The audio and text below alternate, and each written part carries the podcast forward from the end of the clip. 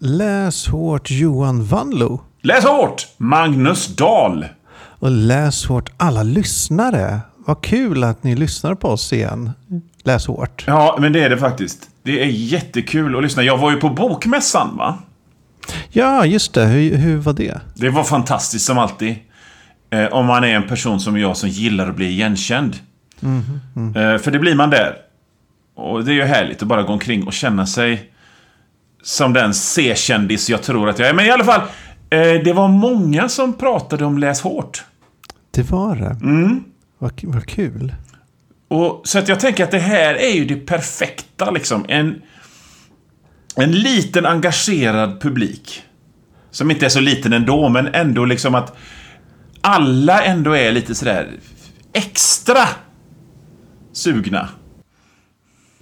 Ja, jag älskar vår publik. Mm, det gör jag också. Den är, den är fantastisk. Inga posörer. Nej.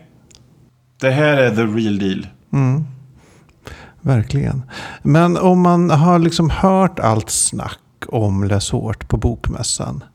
Och så liksom rattar man in den här kanalen. Vad är det de ska få lyssna på Johan? Vad är det här för podd egentligen? Då är det en podd som görs av två experter. Men vi är inte kalenderbitare, utan vi är passionerade... Alltså, vi är inte gourmet... Vad heter det? Gourmeter. Vi är gourmander. Just det. Och vi har, vi har tusen år av kunskap ihop i våra hjärnor om det här. Det har vi. Vi är väldigt gamla. ja, men det, så är det ju. Vi, vi läser eh, böcker som kanske inte så många läser. Och om de läser dem så pratar de inte så mycket om Nej. Eh, vi, Det är en bokklubb kan man säga. Ja. Varje avsnitt har vi läst en gemensam bok och så pratar vi om den. Ja. Och så pratar vi lite innan om lite andra grejer. Ja. vad vi har läst sen sist och, Och så man, vidare. vi får liksom välja lite vilken bok vi vill att läsa i avsnitten. Men eh, grund, grundregeln är ju att ingen av oss ska ha läst den tidigare. Nej. Så är det.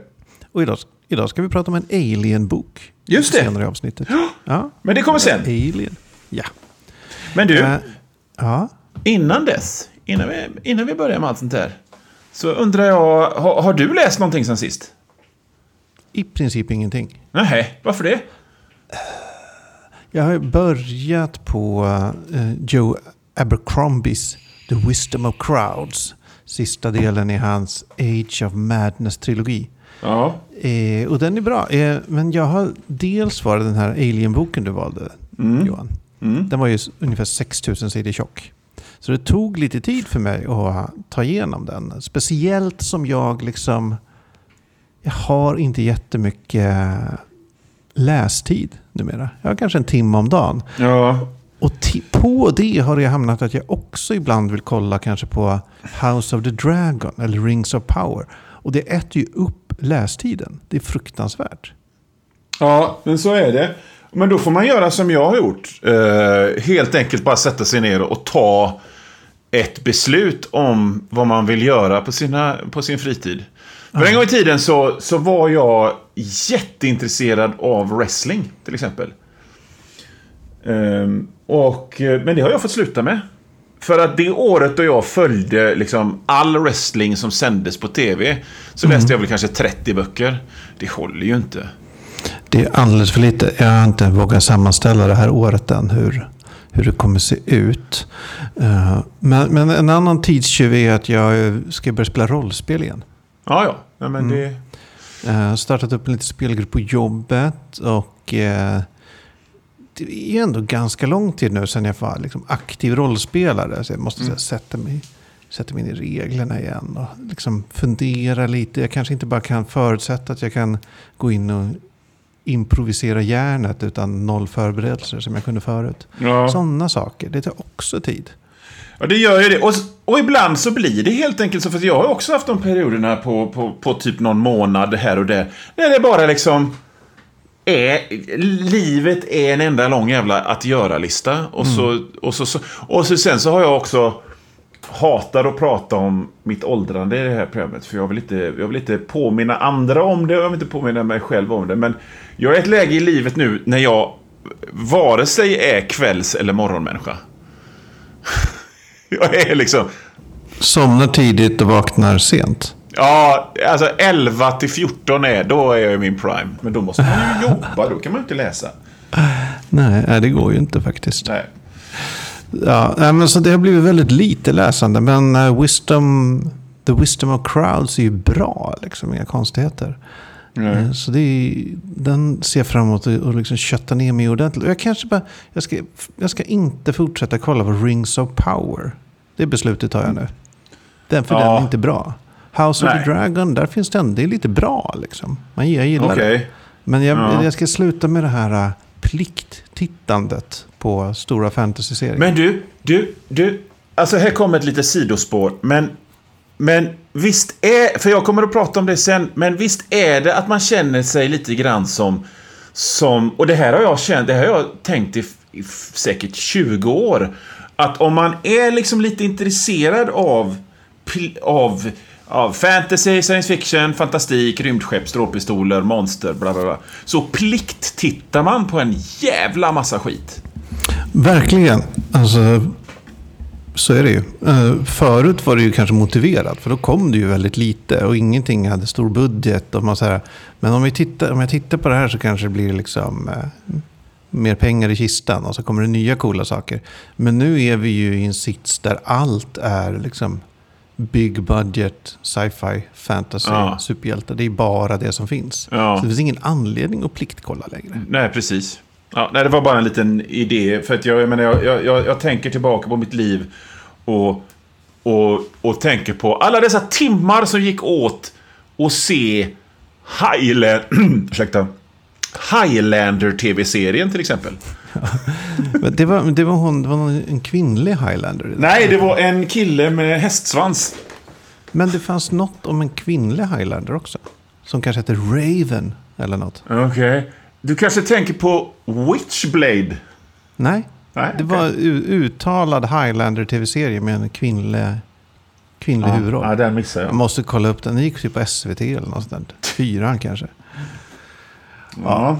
Men har du läst något roligt Johan? Alltså, jag, har, jag har inte heller hunnit läsa så mycket som, som passar in här. Uh, uh, jag håller på med en som däremot gör det.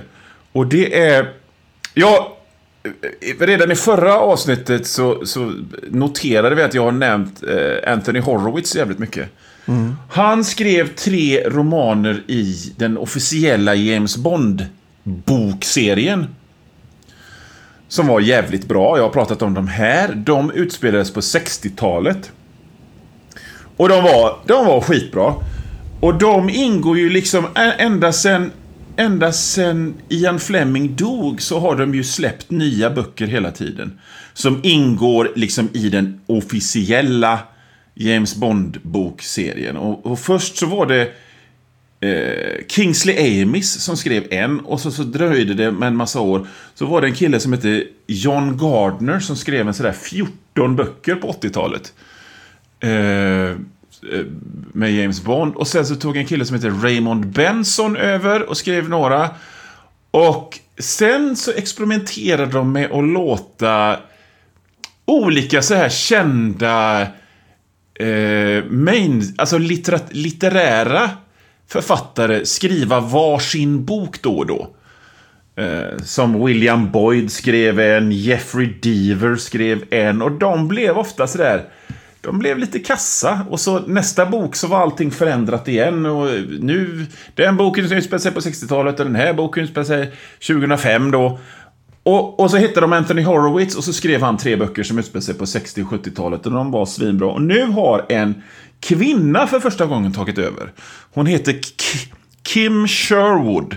Och hon har skrivit den första av tre i, eh, av sina James Bond-böcker då. Och den här heter Double or Nothing. Och då är det nutid. Och det är skitbra. Och faktum är, det intressanta är att James Bond är, jag, jag har väl läst, hunnit läsa halva. Han är inte ens med.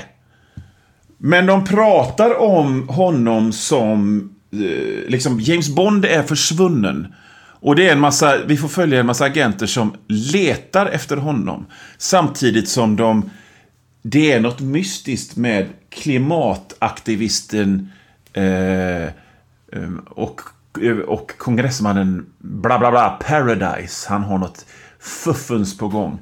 Och det är ju också Uh, det är väldigt mycket så här att eh, den och den personen är rasifierad, den och den personen är queer.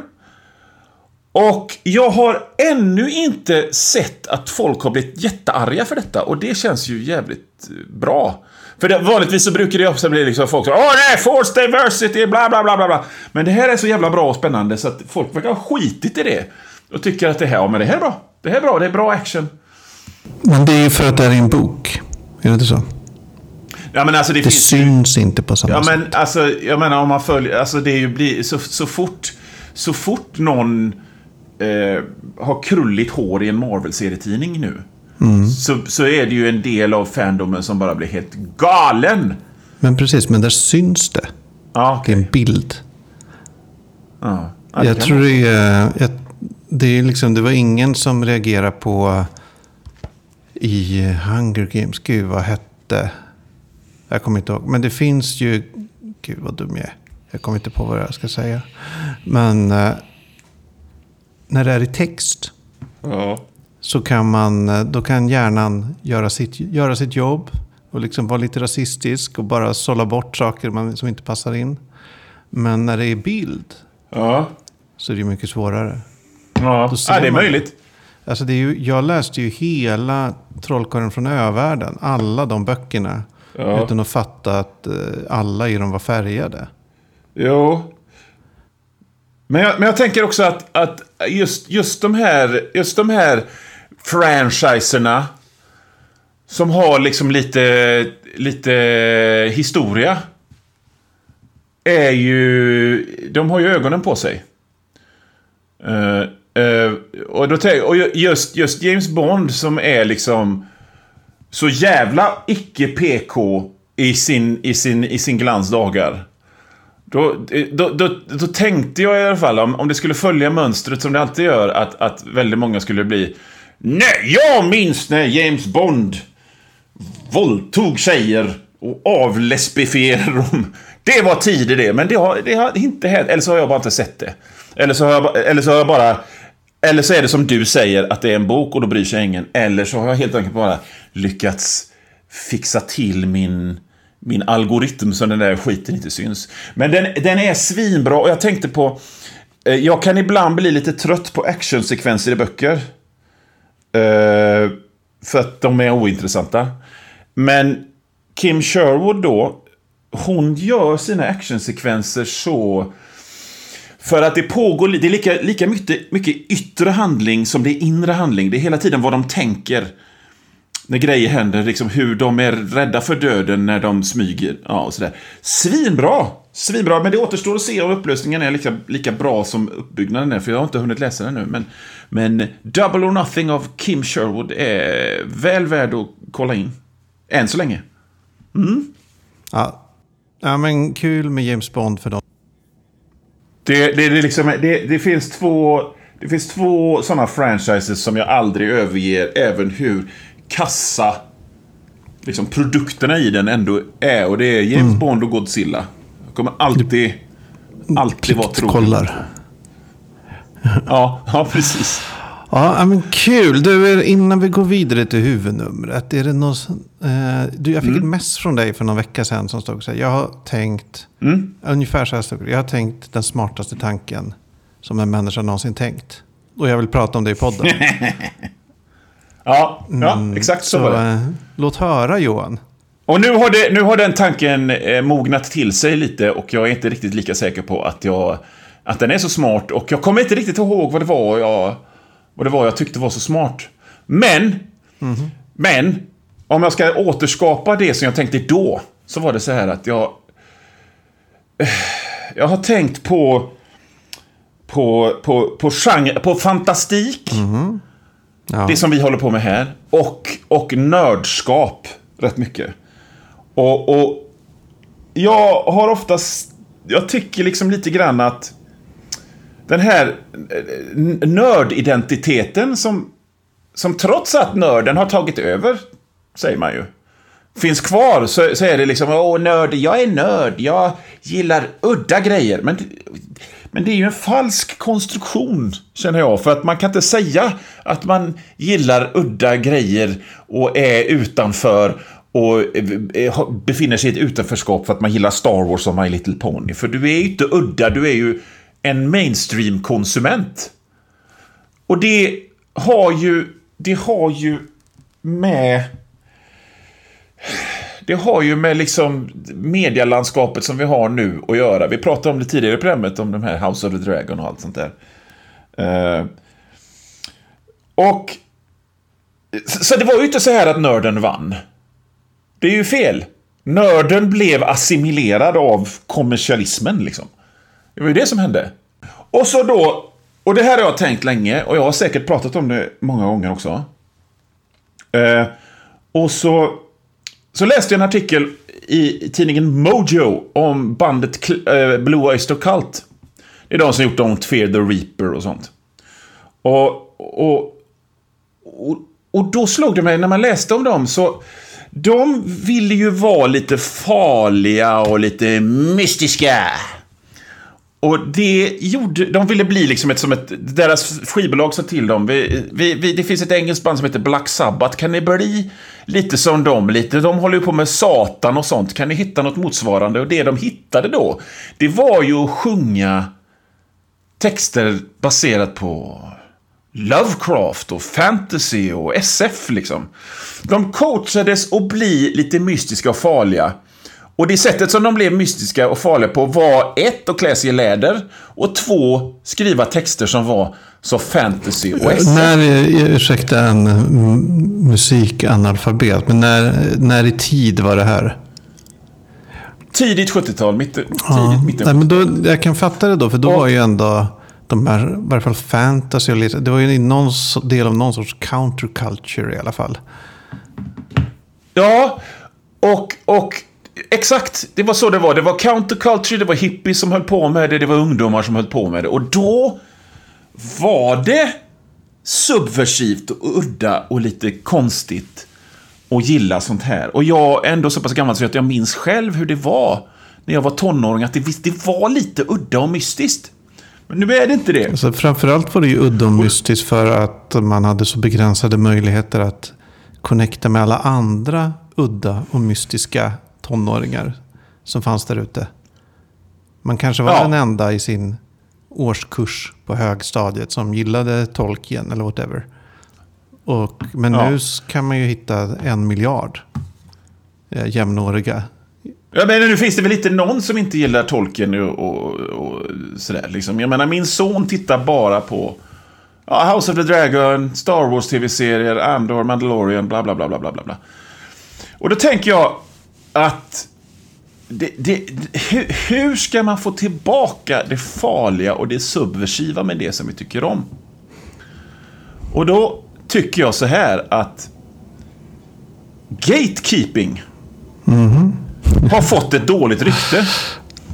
Vi måste återinföra en vänlig men bestämd gatekeeping. Och den kritiken som har framförts mot gatekeeping är å ena sidan, ja, alltså det, det är ju klart att jävla incels ser, ser det som liksom ett jävla tillfälle att vara taskig mot tjejer igen. Men gatekeeping är också, kritiken mot gatekeeping är också lite antiintellektuell, känner jag. För att för, för att få bättre nördar och, med den, och, och därmed bättre fantastik som betyder mer. Så tycker jag att liksom en liten skarp gatekeeping borde införas igen. För att liksom gatekeeping är när man väl har, har fattat vad det är så är det en slags skola för att lära den som är intresserad av en viss sorts ett estetik eller subkultur läran om just den estetiken och subkulturen. Men sen vem som ska vara chef för de här gatekeeperserna? Men kanske du, inte. eller? Är du frivillig? Ja, varför inte? Å andra sidan så är det också så här eh, att eh, utbudet är större än någonsin och jag har pengar. Och eh, jag har inte längre något behov av att känna mig som en del av en subkultur. Och eh, det är inte min plats och jag är för gammal och jag borde inte bry mig. Men jag har tänkt tanken i alla fall. Va, va, vad säger du om detta?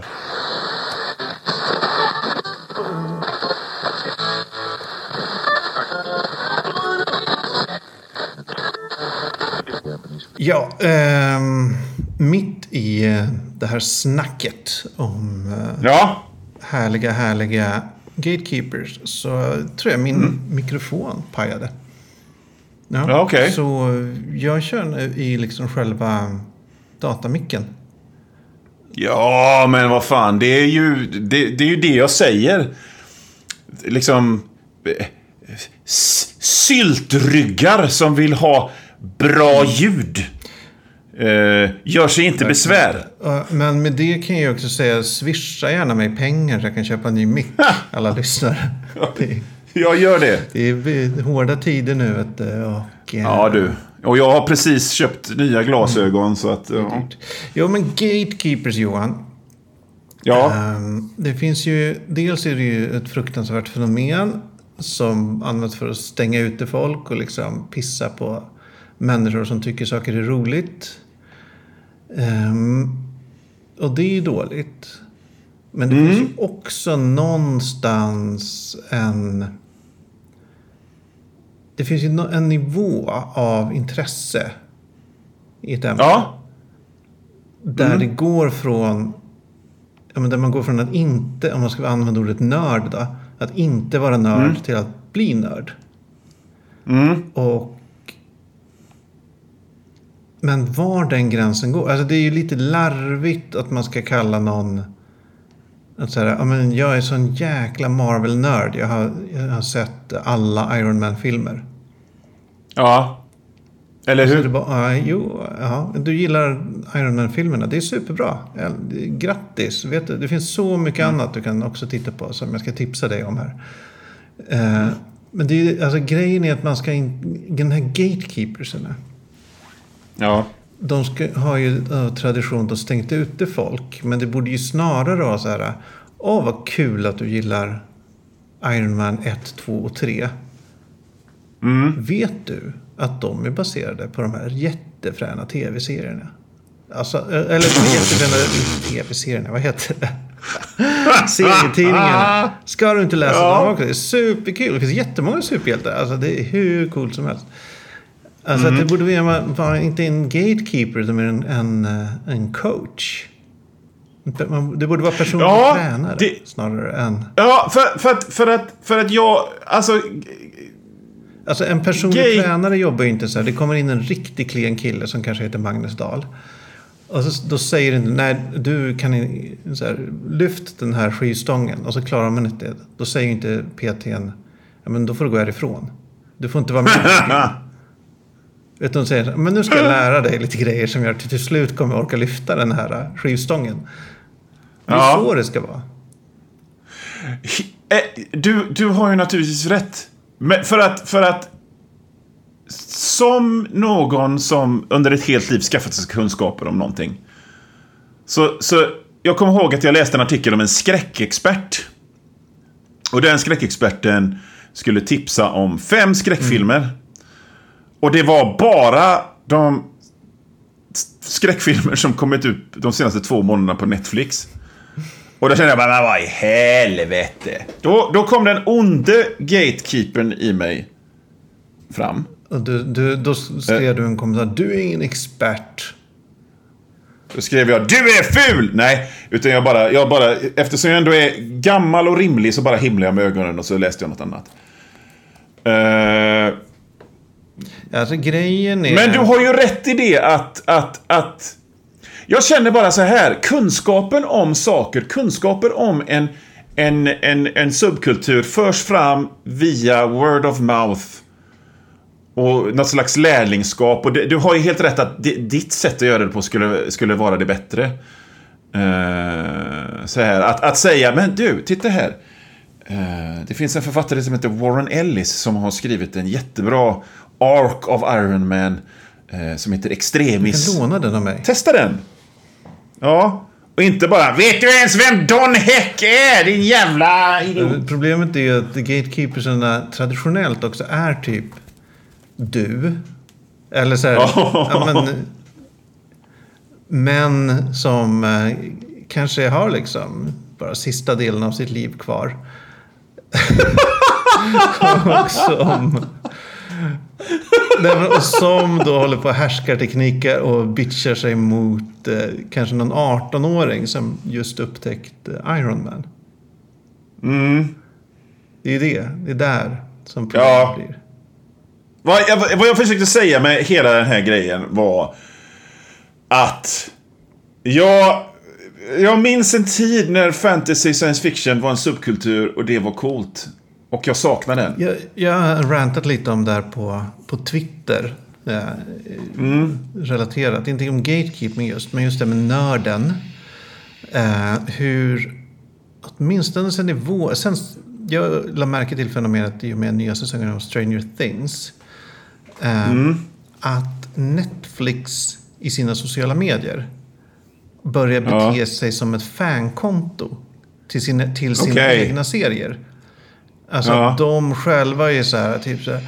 Oh wow, kolla vad söta de är ihop. Alltså typ sådana saker. Ja, ja, Jag har också fortsatt med, med eh, gud vad heter den?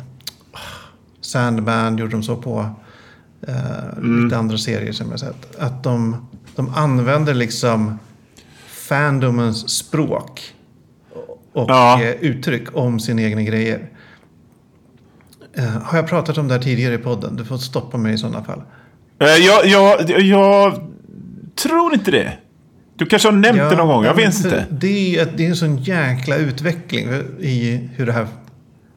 Hur, hur det funkar. Hur de här ja. stora mediejättarna jobbar. För förut var det ju så här... Eh, på något forum kunde man gräva upp så här. Här är alla referenser i... Eh, eh fan vet jag Daredevil-tv-serien. Eller till och med innan det. Här är alla, ja. refer alla referenser i ditten datten-serien. Här är alla referenser i Timecop-tv-serien. Ja, precis. och det var liksom bara så här... Mm, fans på forum som satt och kompilerade och sammanställde alla de här mm. grejerna.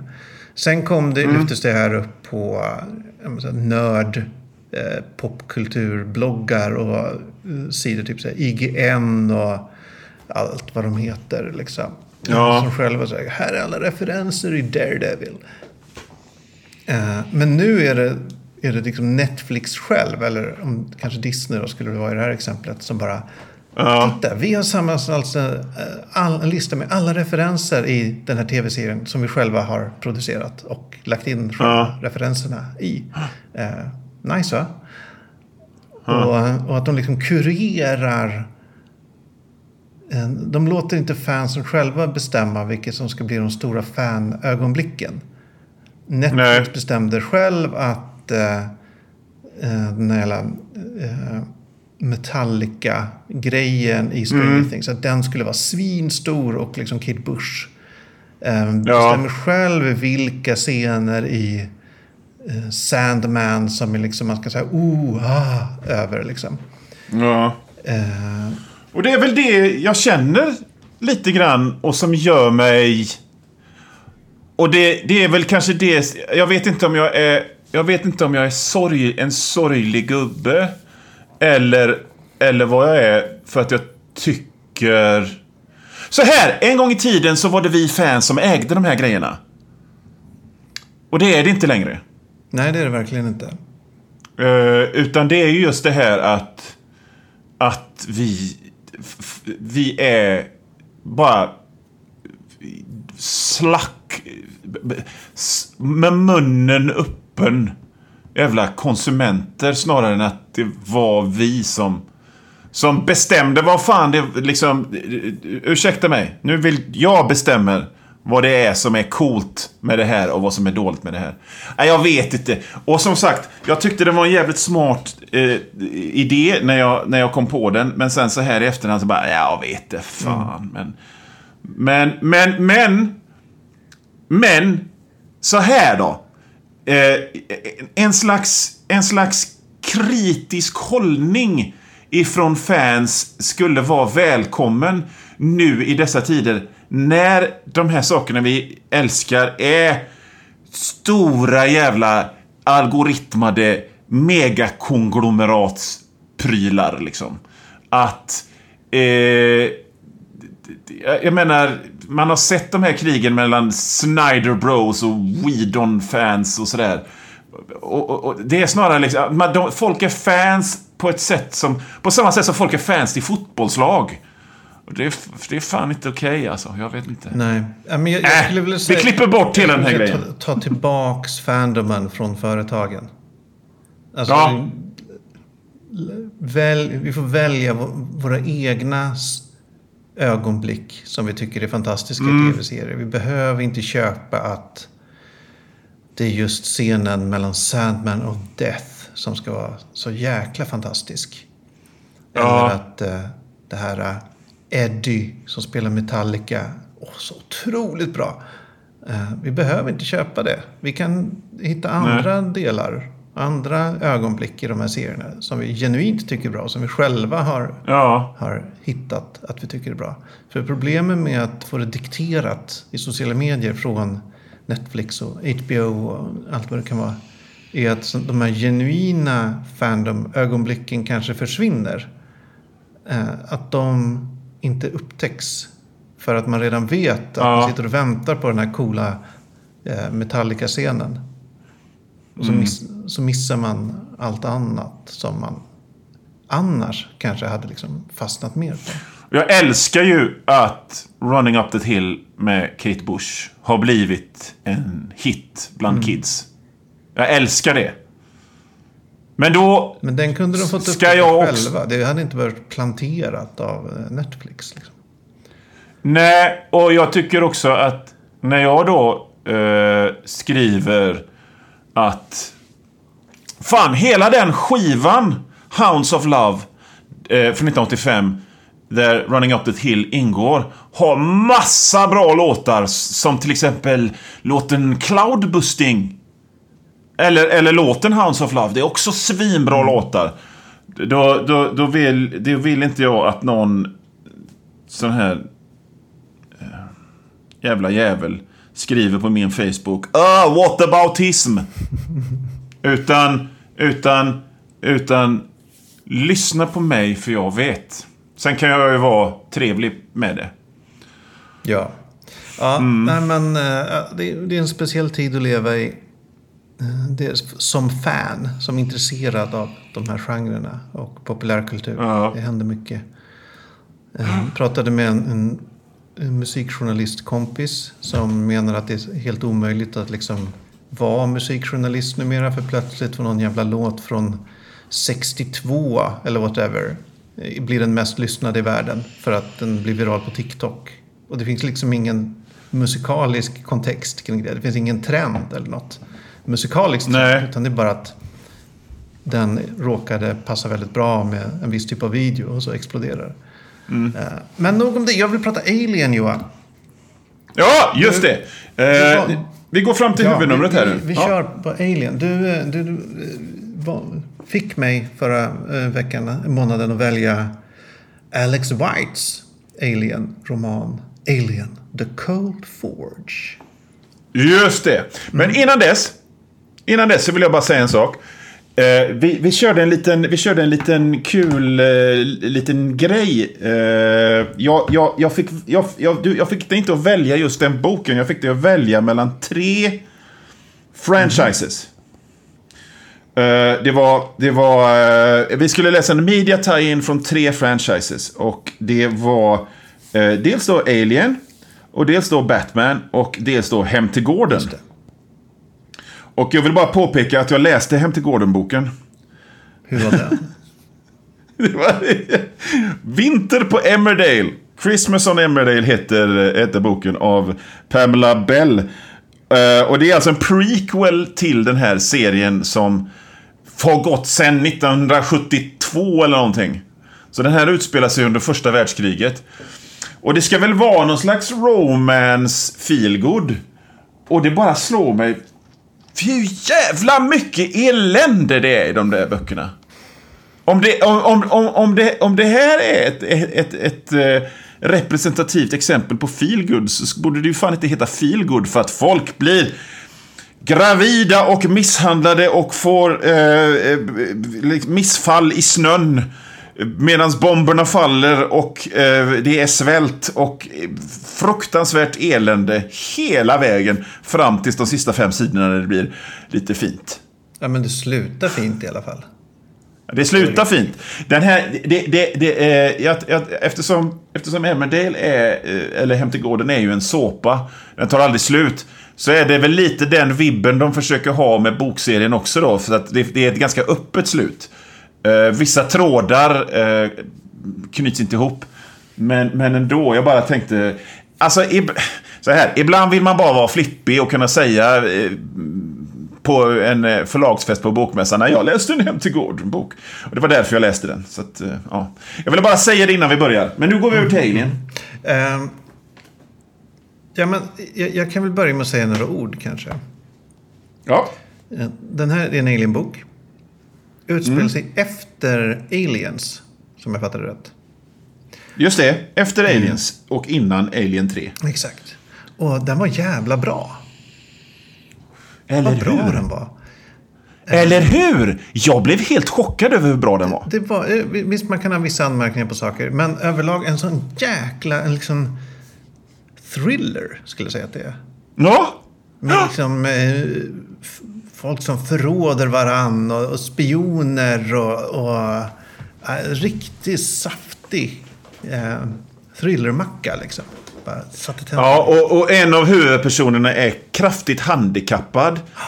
Och medan den här rymdbasen de är på håller på faller ner i någon slags svart hål eller vad fan det är så måste hon ta sig ut. Och det är så jävla ja, spännande. Spännande. Uh, handlingen, kortfattat, är... Ja. Uh, det finns efter då Aliens så har Wayland Yutani fått tag på en massa ägg Eh, mm. Och har någon sorts eh, vetenskapligt projekt igång för att weaponize eh, aliens. Mm. Mm. Och det här projektet det sker i ett labb på någon planet långt åt helvete bort. I en supersäker bas. Mm. Där det också, och det här är det, kanske det märkliga, att det sker flera andra superhemliga, jättefarliga projekt på samma ställe. Eh, mm. Som alla är så här, eh, det här är världens farligaste grej, typ. Eh, mm. Och dit kommer, till den här anläggningen, kommer, vad kan man säga, alltså han... Dorian... En psykopat revisor från helvetet. Ja, Dorian Sudler heter han. Han är väl... Ja. ja. men han är, han är en sån som åker för att liksom... Eh, se om man kan hitta lite besparingar i organisationer. Ja. En effektiviseringskonsult av något slag. ja, exakt. Han är någon sorts... Mm. Alltså, när, när jag läste den tänkte jag, han är liksom eh, en rymd Gunilla Herlitz. Gunilla Herlitz, jag vet inte, om det är ett oförtjänt dåligt rykte kanske, men under 10-talet så, så liksom blev hon chef för massa olika tidningar och var väldigt bra då på att banta, banta de tidningarna. Ja. Uh, jag skulle säga en, eh, från ett Göteborgsperspektiv då, en slags rymdstig Hoffman. Tog inte den referensen. Men Nej. ja, en djup, väldigt osympatisk snubbe som...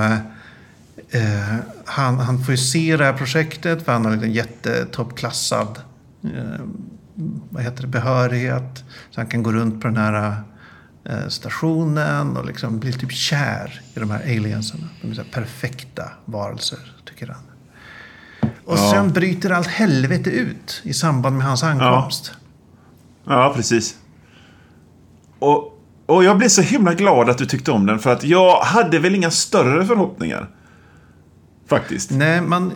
Och så börjar jag läsa och så 40 sidor in. Det här är svinbra! Riktigt... eh, Och just det här att bokens, jag ska inte säga en, liksom huvudperson, men en av dem är... Om vi säger så här, liksom, han är skurken. Ja, han är skurken, Men han är också- också offret. För Ja, och han är också nästan lite grann hjälten och aliensen, the xenomorphs, de är mer som någon slags naturfenomen som de måste hantera. Och jag tycker det är så jävla... Det är så jävla bra tänkt att de har, eller Alex White har tänkt fram att aliens i en bok räcker inte som skurk. Vi måste ha en, en skurk till. Och han är, så, åh, han är så läcker den här, den här psykopaten. Han målar tavlor. Och tänker att... Eh, tänker väldigt mycket, jag har aldrig älskat något eller någon hela mitt liv. Och så... eh, Han, han, han bara går omkring och härskarteknikar sig och är vidrig hela tiden. Det är underbart. den andra huvudpersonen, Blue, som är... Ja. Hon är i princip sängliggande på grund av någon sorts genetisk åkomma som hon har. Ja, någon slags Eh, Hon rymd-MS. är någon sorts superbegåvad eh, genforskare. eh, Som har fått det här uppdraget att göra vapen av xenomorphs. Som jag vet inte varför man skulle behöva göra det. De är ju redan vapen, det är bara att släppa lös dem. Eh, Släppa Ja. äggen där man inte vill ha några fiender. Liksom. Eh, Mm. Men i alla fall. Hon, hon håller ju på med ett litet side hustle där och försöker använda eh, xenomorphsernas eh, genetiska kod för att liksom, bota sin egen sjukdom. Eh, och för att ta sig runt har hon en android. Ja, alla som har sett Alien och Aliens vet att de har, de har androider med som, som blöder mjölk, mjölkigt blod Och och, de så har vidare. alltid problem med de här androiderna. De flippar av olika anledningar. Ja. Eh, nej, men hon, hon eh, har någon sorts VR-koppling. Så hon kan hoppa in i den där androiden och gå runt och sådär. och dona. Så hon tar sig runt på det sättet. Och det är en av dem, nu kommer det en spoiler här. Men jag vet att du mös. Du, vet, du, vet, du vet när man läser någonting och man myser för det är så bra. Vi mös på exakt samma tillfälle. Och det var när den här vidriga skurken eh, han, han, han säger en kod högt och tar över kontrollen av Ja, den här. han har någon sån här Medans- Wayland Yutani override-kommando som man kan säga. Mm. Ja, det, var, det var en riktigt så här, gåshudsögonblick i den här boken. Man ja, verkligen. Wow. Eh, ja, det var fantastiskt. Fanns det något som du tyckte var dåligt med den? Ehm, alltså flera gånger kom jag, fick jag känslan så här, men vad, vad fan ska hända? Det är så här, jag bara, när jag hade läst 100 sidor, men vad fan ska hända i 300 sidor till? Ja. Och sen när jag kom till, så bara hände det saker. Sen när jag kom till 200 Ja. sidor, men ska, nu har jag läst halva boken, det känns som den borde vara klar. Vad ska hända i 200 sidor till? Och så hände det saker i 200 sidor till. Eh, den liksom, eh, det, efter ett tag kanske det var lite för många trådar. Alltså det var ju då Blue som hade sitt sidoprojekt. Det var han, eh, corporate-killen Dorian som liksom började flippa, kan man väl säga. Han blev lite tokig av eh, allting. Ja. Det var mycket som hände. Liksom. Det, ett eh, superdatavirus eh, kommer loss och liksom sabbar gravitationssystemen och grejer. Och hela den här asteroiden som basen är byggd på ska då störta ner i den närliggande stjärnan. Ja, precis. Plus då att det finns en, en sabotör. En ytterligare en sabotör på eh, stationen. Som lyder under någon, någon, någon liksom, något annat företag. Så det är liksom många trådar och jag känner inte alltid att alla trådar kanske var nödvändiga. För att... Jag, jag kände liksom att eh, det här är bara maxande av spänningen. Och det är ju helt okej. Men jag tyckte att, att, att, att trots att de hade så här mycket trådar så sackar boken lite mot mitten. För att du, vet- du vet hur det är när man läser vissa böcker och så är de första hundra sidorna här grymma. Och man bara oh, det här kommer bli så bra. Och så märker man det här blir inte så bra. Och här, den här boken var, var lite sån. Hundra grymma sidor. Och så kom man till mitten och bara nej, jag vet inte fan. Men sen blev den bra igen. Och jag har bara en grej som jag inte gillar. Och det kanske inte har så mycket med boken att göra som med mig att göra, men när det är alltså beskrivningar av platser, detaljerade beskrivningar av platser och framförallt byggnader och teknik som hör till de här platserna. Det går mig alltid totalt förbi. ja, det är samma. Och extra mycket, och extra mycket om det är sci-fi grejer och, eh, och, och som typ rymdskeppsinteriörer. Beskrivningar av rymdskeppsinteriörer. Det kan lika gärna stå bluttan, bluttan, bläppan, blä. För att jag bara, jag ser det inte. Och om detta då har betydelse för handlingen så blir det lite jobbigt. Det är väldigt mycket airlocks och Ut ducts och och, och, grejer. paneler och allt vad det var. Ja, och jag bara, jag bara, nej, nej, jag skiter i det. Alltså, jag, jag, det, det, liksom, den texten bara finns inte för mig. Och så är det med allt. Så är det liksom när det är beskrivningar i westerns av, av bergen och skogen och stigar och skit. Jag, jag, jag bryr mig inte. Ja, eh, jag, jag Och det var det enda. Jag håller med där. Det kan väl, ibland är det lite mycket att olika spakar kanske sitter på olika ställen. Som man inte, jag inte riktigt orkade hänga med i.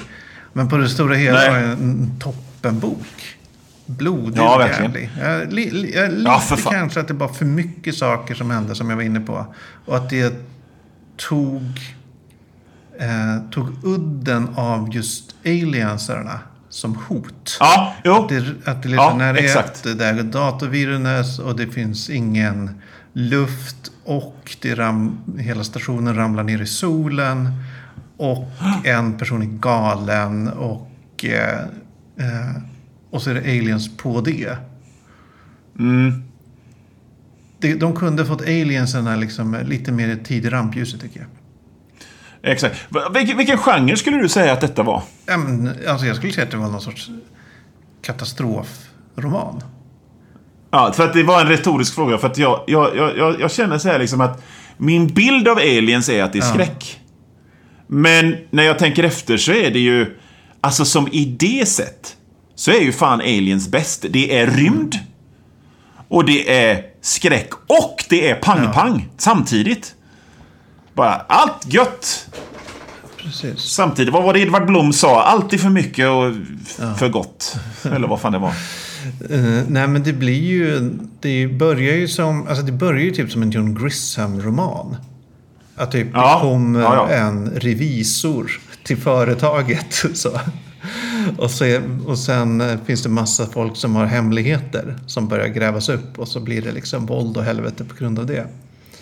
Eh, Det börjar där, sen slutar eller sen fortsätter det ju med eh, alien-skräck-action. Och slutar som liksom skyskrapan brinner, typ. Så det är härligt, det gillar det, det var nice. Nice läsning. Ja, men vad roligt. Och det var så kul för det känns som, den här var från typ 2018 eller något om jag minns rätt. Ja. Och det känns som att Aliens och för den delen Predators hade en lång period när alla media tie-ins var liksom larv.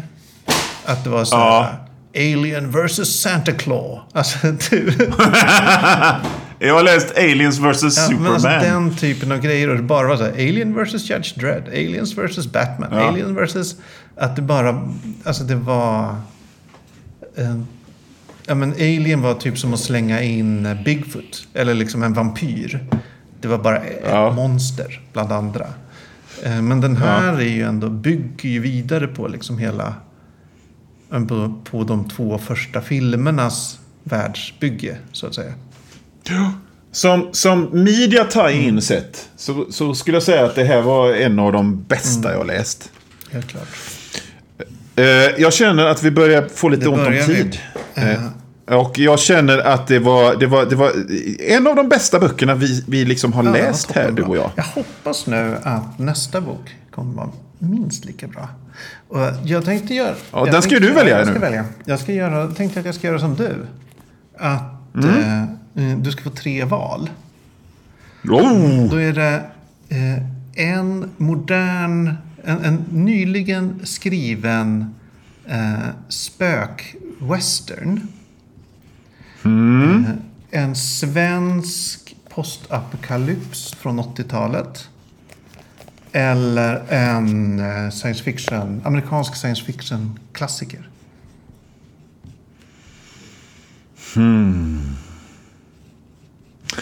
Jag har lite dålig erfarenhet av amerikanska science fiction-klassiker. Lägg undan den. Så, så lägg undan den. Vad var det mer? Det var en svensk... Svensk postapokalyptisk berättelse från 80-talet. Skriven på 80-talet. Och sen var det modern, nyskriven spök. Ja. Jag har också lite det då, eftersom som westernfan så, så blir jag liksom alltid lite skeptisk när det ska vara speciell western. Så att jag säger att vi ska läsa svensk postapokalyps från 80-talet. Det är ju fullt möjligt att du har läst den här och då får, får vi tänka om. Men vi, vi ska läsa Denna sagolika tid av Robert Syk. Den har jag inte läst. Den är från 84 tror jag. Och eh, den verkar... Jag, jag har liksom sett den nämnas ibland så här, online om, när det svensk sci-fi kommer på tal. Svensk sci-fi från förr. Eh, och denna sagolika tid ger en hisnande saklig bild av det kanske mest sannolika av de hot vi står inför. Det ekologiska och ekonomiska sammanbrottet. En Härligt! debutroman av Robert Syk. Om samhällets sårbarhet. Härligt. Eh, tydligen är Robert Syk min gamla kollegas eh, farfar. Så det blir, det blir kul. Jaha. Det blir kul. Ja, men den tar vi. Läs, hårt, Magnus. Johan.